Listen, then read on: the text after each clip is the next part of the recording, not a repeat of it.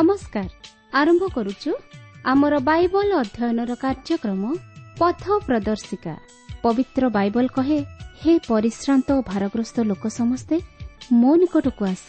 ମୁଁ ତୁମମାନଙ୍କୁ ବିଶ୍ରାମ ଦେବି। ଆସନ୍ତୁ ସେହି ଜୀବନଦାତାଙ୍କର ପରିଚୟ ପାଇ ଜୀବନରେ ବାସ୍ତବ ଶାନ୍ତି ଓ ମୁକ୍ତି ପାଇବା ନିମନ୍ତେ ଶୁଣିବା ବେତାର କାର୍ଯ୍ୟକ୍ରମ ପଥ ପ୍ରଦର୍ଶିକା।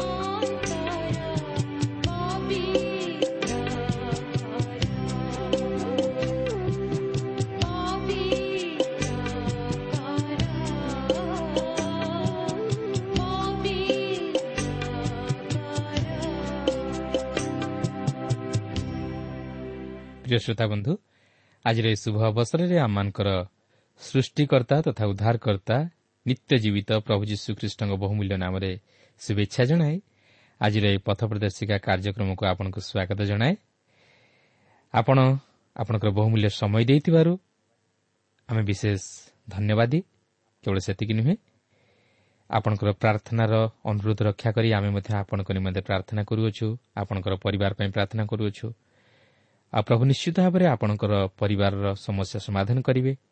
ଆଉ ସେ ଆପଣଙ୍କ ପରିବାର ମଧ୍ୟରେ ଯେଉଁମାନେ ଅସୁସ୍ଥ ଅଛନ୍ତି ସେମାନଙ୍କୁ ସୁସ୍ଥତା ପ୍ରଦାନ କରିବେ। କିନ୍ତୁ ସେ ଚାହାନ୍ତି ଆପଣଙ୍କର ଦୃଢ଼ ବିଶ୍ୱାସ। ତାହେଲେ ଆସନ୍ତୁ ଆଜି ମଧ୍ୟ ପ୍ରଭୁ ତାଙ୍କର ବାକ୍ୟ ମଧ୍ୟ ଦେଇ ଆମମାନଙ୍କୁ ଯେଉଁ ଶିକ୍ଷା ଦେବା ପାଇଁ ଯାଉଅଛନ୍ତି ତାହା ମନୋଯୋଗର ସହିତ ଶୁଣିବା ସଙ୍ଗେ ସଙ୍ଗେ ବିଶ୍ୱାସର ସହିତ ତାହାକୁ ଗ୍ରହଣ କରି ତଦନୁଯାୟୀ ଜୀବନଯାପନ କରିବା ପାଇଁ ଚେଷ୍ଟା କରିବା ତାହେଲେ ଆମେ ପ୍ରଭୁଙ୍କର ଆଶୀର୍ବାଦର ଅଧିକାରୀ ହୋଇପାରିବା। ଆସନ୍ତୁ ପ୍ରଭୁଙ୍କର ବାକ୍ୟ ମଧ୍ୟ ଦେଇଯିବା ପୂର୍ବରୁ ସଂକ୍ଷେପରେ ପ୍ରାର୍ଥନା କରିବା। ପବିତ୍ର ପ୍ରଭୁ ଧନ୍ୟବାଦ କରୁଅଛୁ ତୁମେ ଆମମାନଙ୍କୁ ଜୀବିତମାନଙ୍କ ମଧ୍ୟରେ ନାମସ୍ଥାନ ଦେଇଛ। ଆମମାନଙ୍କୁ ପ୍ରଭୁ ତୁମେ ବାସବସ୍ତ୍ର ଆହାର ଦେଇ ଏପର୍ଯ୍ୟନ୍ତ ସୁରକ୍ଷା କରିଅଛ। ଆମମାନଙ୍କର ସମସ୍ତ ଯତ୍ନ ତତ୍ତ୍ୱ ନେଇଅଛ। ଆଉ ବିଶେଷରେ ପ୍ରଭୁ ତୁମେ ଆମମାନଙ୍କୁ ପାପରୁ ଉଦ୍ଧାର କରିବା ନିମନ୍ତେ ପ୍ରଭୁ ତୁମର ସେହି ପବିତ୍ର ରକ୍ତ ଦେଇ ଆମମାନଙ୍କ ନିମନ୍ତେ ପ୍ରାୟଶ୍ଚିତ ସାଧନ କରିଅଛ ବୋଲି ତୁମର ଧନ୍ୟବାଦ କରୁଅଛୁ। ପ୍ରଭୁ ତୁମଠାରେ ବିଶ୍ୱାସ କରିବା ପାଇଁ ତୁମେ ଆମମାନଙ୍କୁ ସରଳ ବିଶ୍ୱାସରୁ ହୃଦୟ ଦିଅ ଏବଂ ସେହି ପ୍ରଭୁ ବିଶ୍ୱାସ ଦ୍ୱାରା ଯେପରି ଆମମାନେ ପାପରୁ ଉଦ୍ଧାର ପାଇ ଅନନ୍ତ ଜୀବନର ଅଧିକାରୀ ହେବାକୁ ପାରିବୁ ଏହି ଅନୁଗ୍ରହ ପ୍ରଭୁ ତୁମେ ଦାନ କର। ପ୍ରତ୍ୟେକ ଶ୍ରୋତାବନ୍ଧୁମାନଙ୍କୁ ତୁମେ ଆଶୀର୍ବାଦ କର। ପ୍ରତ୍ୟେକଙ୍କର ମନସ୍କାମନା ପ୍ରଭୁ ତୁମର ଇଚ୍ଛା ମଧ୍ୟ ତୁମେ ପୂର୍ଣ୍ଣ କରି ତୁମେ ଗୌରବ ମହିମା ପୂଜା ପ୍ରଶଂସା ପାଅ। ଏହି ସମସ୍ତ ପ୍ରାର୍ଥନା ଆମମାନଙ୍କର ଉଦ୍ଧାରକର୍ତ୍ତା ଜୀବିତ ପୁନରୁଦ୍ଧିତ ପ୍ରିୟ ପ୍ରଭୁ ଯୀଶୁଙ୍କ ନାମରେ ଅଳ୍ପ ଭିକ୍ଷା ମାଗୁଅଛୁ।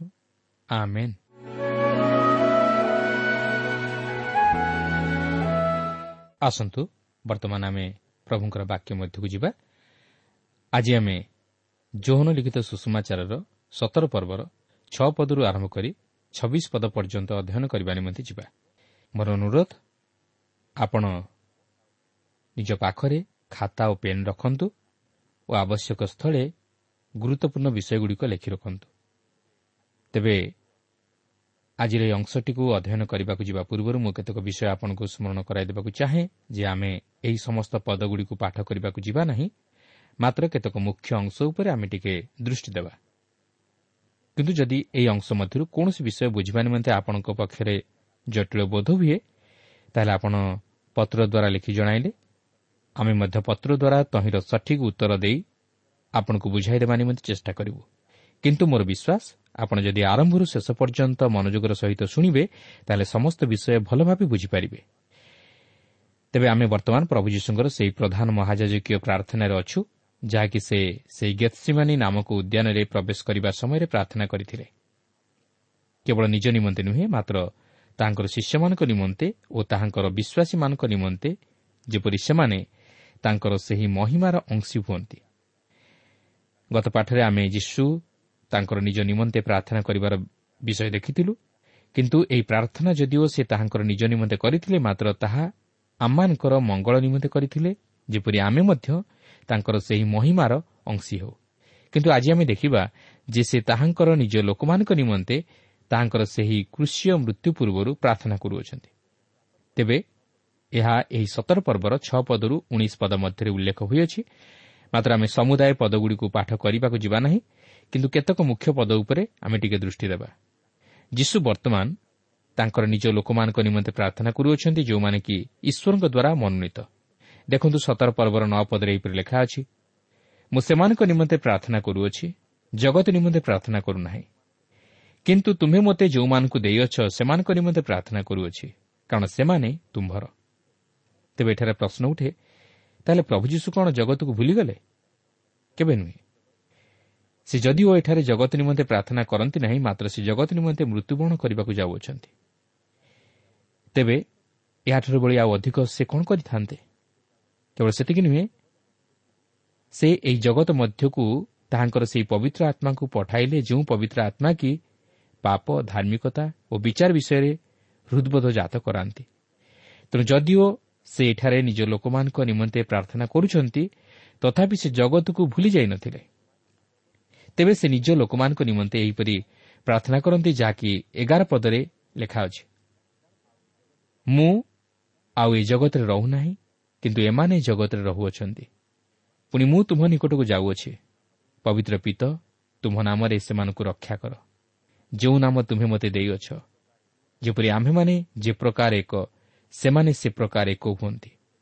ଦେଖନ୍ତୁ ଏଠାରେ ପ୍ରଭୁ ଯୀଶୁ ତାଙ୍କର ନିଜ ଲୋକମାନଙ୍କ ନିମନ୍ତେ ଅର୍ଥାତ୍ ତାହାଙ୍କର ବିଶ୍ୱାସୀମାନଙ୍କ ନିମନ୍ତେ ଦୁଇଟି ବିଷୟ ପ୍ରାର୍ଥନାରେ ନିବେଦନ କରନ୍ତି।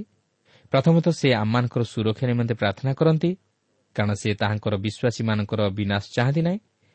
କେବଳ ସେମାନେ ଯେ ପାପରେ ବିନଷ୍ଟ ହୁଅନ୍ତୁ ଏହା ସେ ଚାହାନ୍ତି ନାହିଁ। ଦ୍ୱିତୀୟରେ ସେ ସେମାନଙ୍କର ଏକତା ନିମନ୍ତେ ପ୍ରାର୍ଥନା କରନ୍ତି। ଅର୍ଥାତ୍ ସେମାନେ ଯେପରି ଖ୍ରୀଷ୍ଟୀୟ ସହଭାଗିତା ମଧ୍ୟରେ ଏକ ହୁଅନ୍ତି ଏଥିନିମନ୍ତେ ସେ ପ୍ରାର୍ଥନା କରନ୍ତି।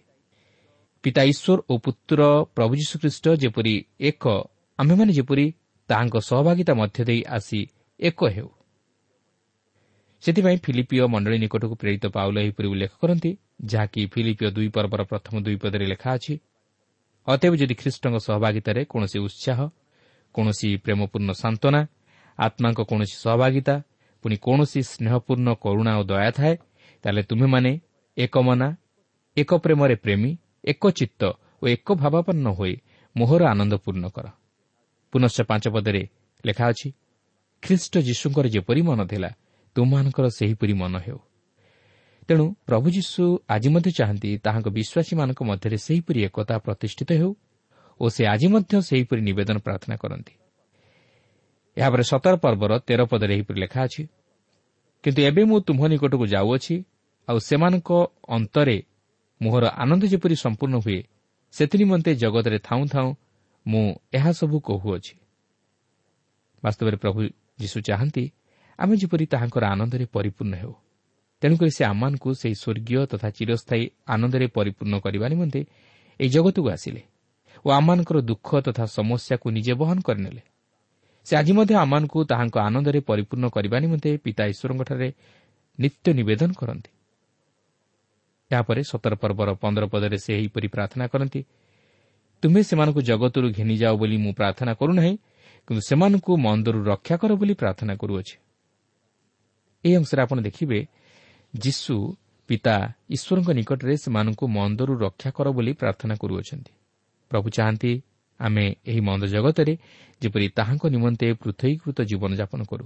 ସେ ଚାହାନ୍ତି ନାହିଁ ଆମେ ଏହି ଜଗତରୁ ବାହାରି ଯାଇ ସନ୍ନ୍ୟାସ ବ୍ରତ ଗ୍ରହଣ କରୁ। ବା ସାଧୁ ସନ୍ଥ ହୋଇ ଅରଣ୍ୟରେ ବାସ କରୁ।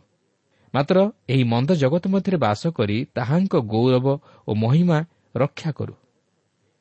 ତେବେ ଏହି ଜଗତ ମଧ୍ୟରେ ମନ୍ଦରୁ ପୃଥକୀକୃତ ଜୀବନଯାପନ କରିବା ଯଦିଓ କଷ୍ଟକର ମାତ୍ର ପ୍ରଭୁ ଚାହାନ୍ତି ଆମେ ଯେପରି ତାହାକୁ ଜୟ କରୁ।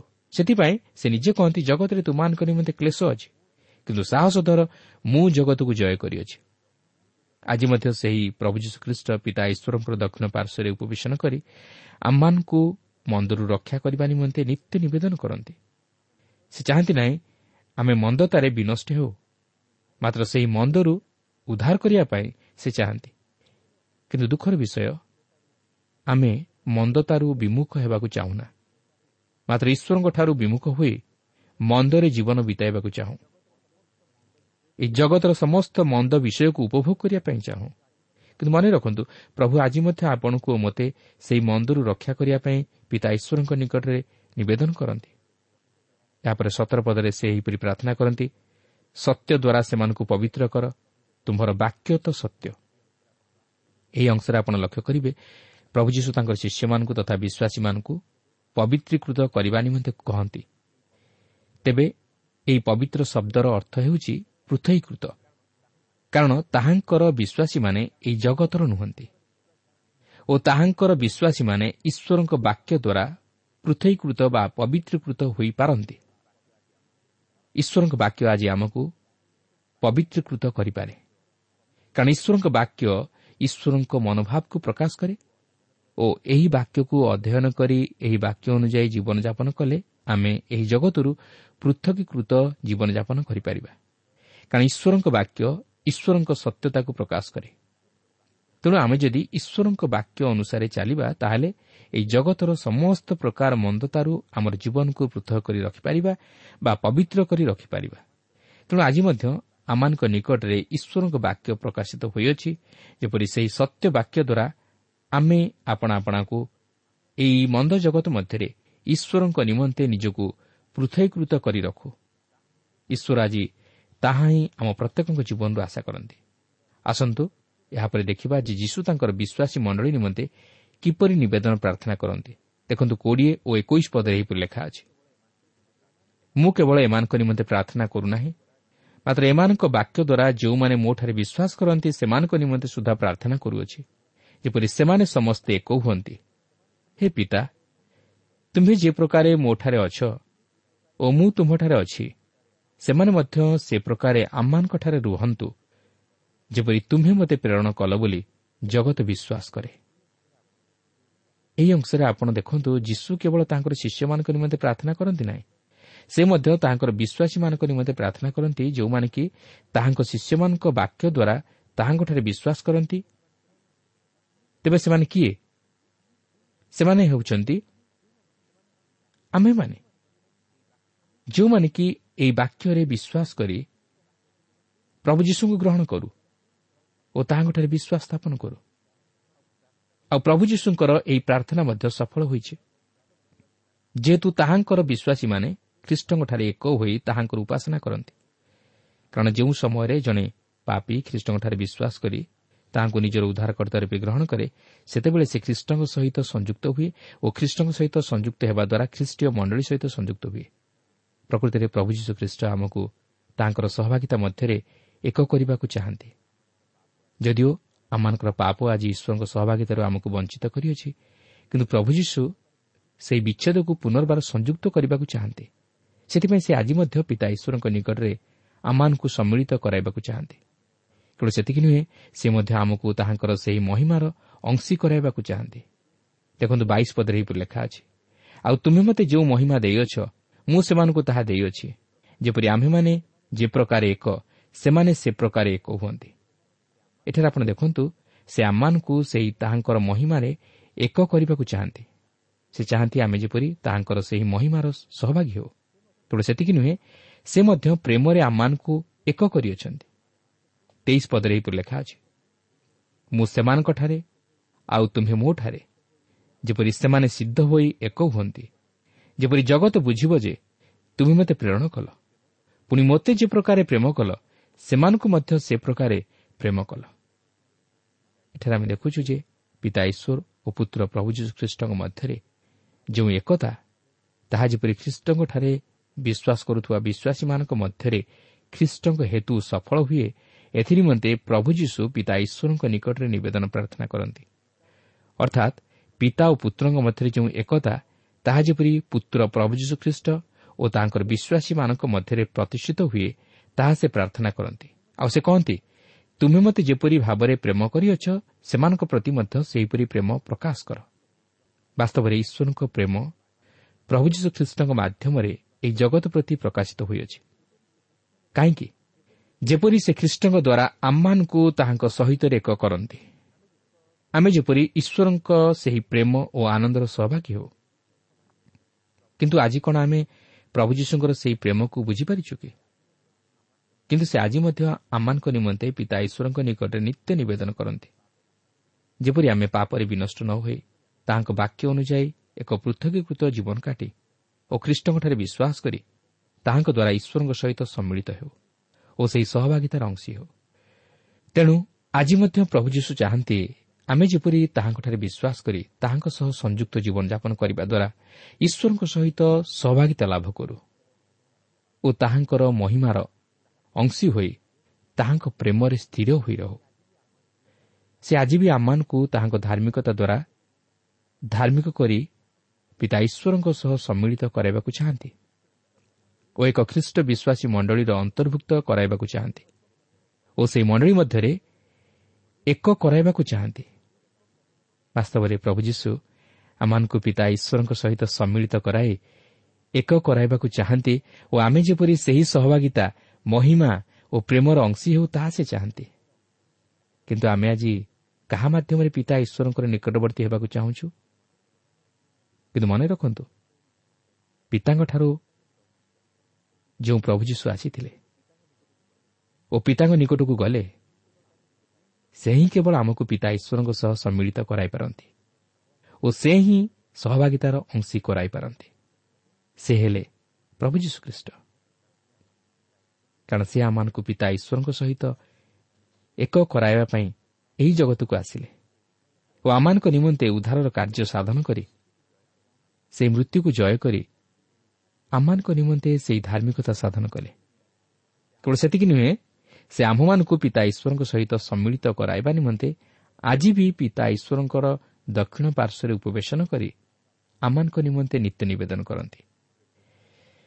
ତେବେ ପ୍ରିୟ ବନ୍ଧୁ ଆପଣ ନିଜକୁ ପ୍ରଶ୍ନ କରନ୍ତୁ ଯେ ଆଜି କ'ଣ ମୁଁ ସେହି ସହଭାଗିତାର ଅଂଶୀ ହୋଇପାରିଛି କି? ଆଜି କ'ଣ ମୁଁ ଈଶ୍ୱରଙ୍କର ସେହି ମହିମା ଓ ପ୍ରେମର ଅଂଶୀ ହୋଇପାରିଛି କି? ଯଦି ନାହିଁ ତାହେଲେ ଜାଣି ରଖନ୍ତୁ। ଆପଣଙ୍କ ନିମନ୍ତେ ଜଣେ ନିତ୍ୟ ପିତା ଈଶ୍ୱରଙ୍କଠାରେ ନିବେଦନ କରୁଅଛନ୍ତି। ସେହି ପ୍ରଭୁ ଯୀଶୁଖ୍ରୀଷ୍ଟଙ୍କଠାରେ ବିଶ୍ୱାସ କରି ତାହାଙ୍କୁ ନିଜ ହୃଦୟରେ ଗ୍ରହଣ କରନ୍ତୁ। ତାହେଲେ ସେ ଆପଣଙ୍କୁ ପିତା ଈଶ୍ୱରଙ୍କ ସହ ସମ୍ମିଳିତ କରାଇବେ। ତେବେ ଯଦିଓ ଜଣେ ଖ୍ରୀଷ୍ଟ ବିଶ୍ୱାସୀ ଏହି ଜଗତରେ ଖ୍ରୀଷ୍ଟଙ୍କ ସହିତ ଥାଇ ଆତ୍ମିକ ଜୀବନରେ ସେହି ସହଭାଗିତାକୁ ଲାଭ କରେ ମାତ୍ର ବାସ୍ତବ ସହଭାଗିତା ସେହି ସ୍ୱର୍ଗରେ ହିଁ ପ୍ରାପ୍ତ ହୁଏ। ସେଥିପାଇଁ ଏହି ସତର ପର୍ବର ଚବିଶ ପଦରୁ ଛବିଶ ପଦରେ ଏହିପରି ଲେଖା ଅଛି ହେ ପିତା ତୁମେ ମୋତେ ଯେଉଁମାନଙ୍କୁ ଦେଇଅଛ ମୁଁ ଯେଉଁଠାରେ ଥାଏ ସେମାନେ ମଧ୍ୟ ଯେପରି ସେଠାରେ ମୁହଁର ସହିତ ରହିବେ ଓ ଜଗତର ପତନ ପୂର୍ବେ ତୁମେ ମୋତେ ପ୍ରେମ କରିଥିବାରୁ ମୋତେ ଯେଉଁ ମହିମା ଦେଇଅଛ ମୋହର ସେହି ମହିମା ସେମାନେ ଯେପରି ଦେଖିବେ ଏହା ମୋହର ଇଚ୍ଛା। ହେ ଧାର୍ମିକ ପିତା ଜଗତ ତୁମ୍ଭକୁ ଜାଣିନାହିଁ କିନ୍ତୁ ମୁଁ ତୁମ୍ଭକୁ ଜାଣିଅଛି। ଆଉ ତୁମ୍ଭେ ଯେ ମୋତେ ପ୍ରେରଣ କଲ ତାହା ଏମାନେ ଜାଣିଅଛନ୍ତି। ପୁଣି ତୁମ୍ଭେ ମୋତେ ଯେଉଁ ପ୍ରେମରେ ପ୍ରେମ କଲ ତାହା ଯେପରି ସେମାନଙ୍କଠାରେ ଥାଏ ଓ ମୁଁ ସେମାନଙ୍କଠାରେ ରୁହେ ଏଥିନିମନ୍ତେ ମୁଁ ସେମାନଙ୍କୁ ତୁମ୍ଭ ନାମ ଜଣାଇଅଛି ଓ ଜଣାଇବି। ଦେଖନ୍ତୁ କେବଳ ଏହି ଜଗତରେ ରହିବା ସମୟ ମଧ୍ୟରେ ନୁହେଁ ମାତ୍ର ଏହି ଜଗତରୁ ବିଦାୟ ନେବା ପରେ ତାଙ୍କର ବିଶ୍ୱାସୀ ମଣ୍ଡଳୀ ଯେପରି ସେହି ସହଭାଗିତାକୁ ସେହି ସ୍ୱର୍ଗରେ ପ୍ରାପ୍ତ ହୋଇପାରନ୍ତି ଏଥିନିମନ୍ତେ ସେ ମଧ୍ୟ ପିତା ଈଶ୍ୱରଙ୍କ ନିକଟରେ ନିବେଦନ କରନ୍ତି। ଆଉ ତାହା ହିଁ ହେଉଛି ଈଶ୍ୱରଙ୍କର ବାସ୍ତବ ଅଭିମତ। ସେ ତାହାଙ୍କର ସୃଷ୍ଟ ମନୁଷ୍ୟମାନଙ୍କ ସହ ସହଭାଗିତା ସ୍ଥାପନ କରିବାକୁ ଚାହାନ୍ତି। ସେଥିପାଇଁ ସେ ତାହାକୁ ତାହାଙ୍କ ସାଦୃଶ୍ୟ ଓ ପ୍ରତିମୂର୍ତ୍ତିରେ ନିର୍ମାଣ କଲେ।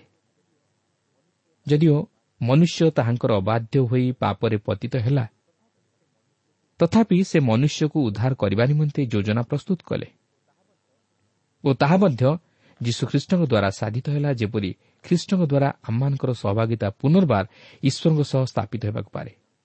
କାରଣ ଈଶ୍ୱର ମନୁଷ୍ୟମାନଙ୍କ ସହ ସହଭାଗିତା ସ୍ଥାପନ କରିବାକୁ ଚାହାନ୍ତି। ବାସ୍ତବରେ ଈଶ୍ୱର ଆମ ସହିତ ପୁନର୍ବାର ସେହି ସହଭାଗିତା ସ୍ଥାପନ କରିବାକୁ ଚାହାନ୍ତି ଓ ସେହି ସ୍ୱର୍ଗୀୟ ବିଭବର ଭାଗି କରାଇବାକୁ ଚାହାନ୍ତି। କିନ୍ତୁ ମନୁଷ୍ୟ ତାହା ଚାହେଁ ନାହିଁ। ମନୁଷ୍ୟ ଚାହେଁ କିପରି ଏହି ଜଗତକୁ ଉପଭୋଗ କରିବ ଓ ଜଗତରେ ହିଁ ବିନଷ୍ଟ ହେବ। କିନ୍ତୁ ସେ ସେହି ସ୍ୱର୍ଗୀୟ ବିଷୟରେ ଚିନ୍ତା କରେ ନାହିଁ। କି ଈଶ୍ୱରଙ୍କ ସହ ସହଭାଗିତା ସ୍ଥାପନ କରିବାକୁ ଚାହେଁ ନାହିଁ। ତେଣୁକରି ଆଜି ମନୁଷ୍ୟ ଈଶ୍ୱର ବିହୀନ ଜୀବନଯାପନ କରି ପାପରେ ବିନଷ୍ଟ ହେଉଅଛି। କିନ୍ତୁ ଆଜି ଆମ ପ୍ରତ୍ୟେକ ଖ୍ରୀଷ୍ଟ ବିଶ୍ୱାସୀଙ୍କ ନିମନ୍ତେ ଏହା ଏକ ଗୌରବର ଓ ଭରସାର ବିଷୟ ଯେ ଆମର ପ୍ରଭୁ ଯୀଶୁଖ୍ରୀଷ୍ଟ ମୃତ୍ୟୁକୁ ଜୟ କରି ସେହି ସ୍ୱର୍ଗରାଜ୍ୟରେ ପ୍ରବେଶ କରି ଈଶ୍ୱରଙ୍କ ସିଂହାସନର ଦକ୍ଷିଣ ପାର୍ଶ୍ୱରେ ଉପବେଶନ କରି ଆମମାନଙ୍କର ମଙ୍ଗଳ ନିମନ୍ତେ ପିତା ଈଶ୍ୱରଙ୍କଠାରେ ନିତ୍ୟ ନିବେଦନ କରୁଅଛନ୍ତି। ସେ ଆଜି ଆମମାନଙ୍କର ପ୍ରଧାନ ମହାଜକ ସ୍ୱରୂପେ ଆମମାନଙ୍କ ନିମନ୍ତେ ପିତା ଈଶ୍ୱରଙ୍କଠାରେ ନିବେଦନ କରନ୍ତି ଯେପରି ଆମେ କେବଳ ଏହି ଜଗତରେ ଆତ୍ମିକ ଜୀବନରେ ନୁହେଁ ଏଥିସହିତ ସେହି ସ୍ୱର୍ଗରାଜ୍ୟରେ ମଧ୍ୟ ଈଶ୍ୱରଙ୍କ ସହିତ ମିଳିତ ହୋଇ ସେହି ସହଭାଗିତାର ଅଂଶୀ ହେଉ କ'ଣ ଏହା ଆଜି ଆମମାନଙ୍କ ନିମନ୍ତେ ଏକ ମହା ଆନନ୍ଦର ବିଷୟ ନୁହେଁ କି କିନ୍ତୁ ଆଜି କ'ଣ ଆମେ ସେହି ସହଭାଗିତାର ଅଂଶୀ ହେବା ପାଇଁ ଯୋଗ୍ୟ ବିବେଚିତ ହୋଇପାରିଛୁ କି ଯଦି ନାହିଁ ତାହେଲେ ଆଜି ନିଜର ଜୀବନକୁ ସମୀକ୍ଷା କରୁ ଓ ଯୀଶୁଖ୍ରୀଷ୍ଟଙ୍କଠାରେ ସମର୍ପଣ କରି ସମ୍ପୂର୍ଣ୍ଣ ତାହାଙ୍କର ହେଉ। ତାହେଲେ ଆମେ ନିଶ୍ଚିତ ଭାବରେ ତାହାଙ୍କ ଦ୍ୱାରା ପିତା ଈଶ୍ୱରଙ୍କ ନିକଟରେ ଗୃହୀତ ହୋଇ ଈଶ୍ୱରଙ୍କର ସନ୍ତାନତ୍ୱର ଅଧିକାରୀ ହୋଇପାରିବା।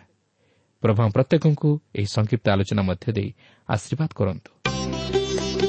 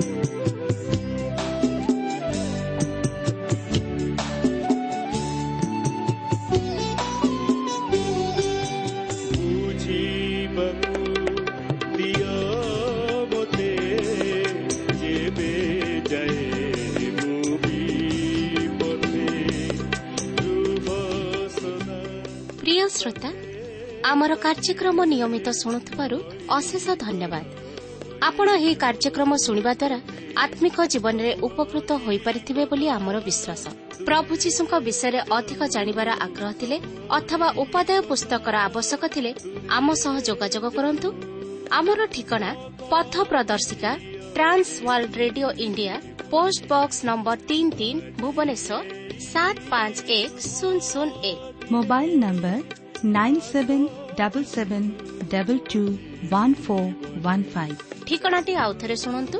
ପଥ ପ୍ରଦର୍ଶିକା Trans World Radio India post box number three three Bhubaneswar seven five one zero zero one mobile number nine seven double seven double two one four one five ଆମର ଇମେଲ ଆଡ୍ରେସଟି ଲେଖି ରଖନ୍ତୁ Odia T TV at radio eight eight two dot com ତେବେ ଆଜି ପାଇଁ ବିଦାୟ ଦିଅନ୍ତୁ। ନମସ୍କାର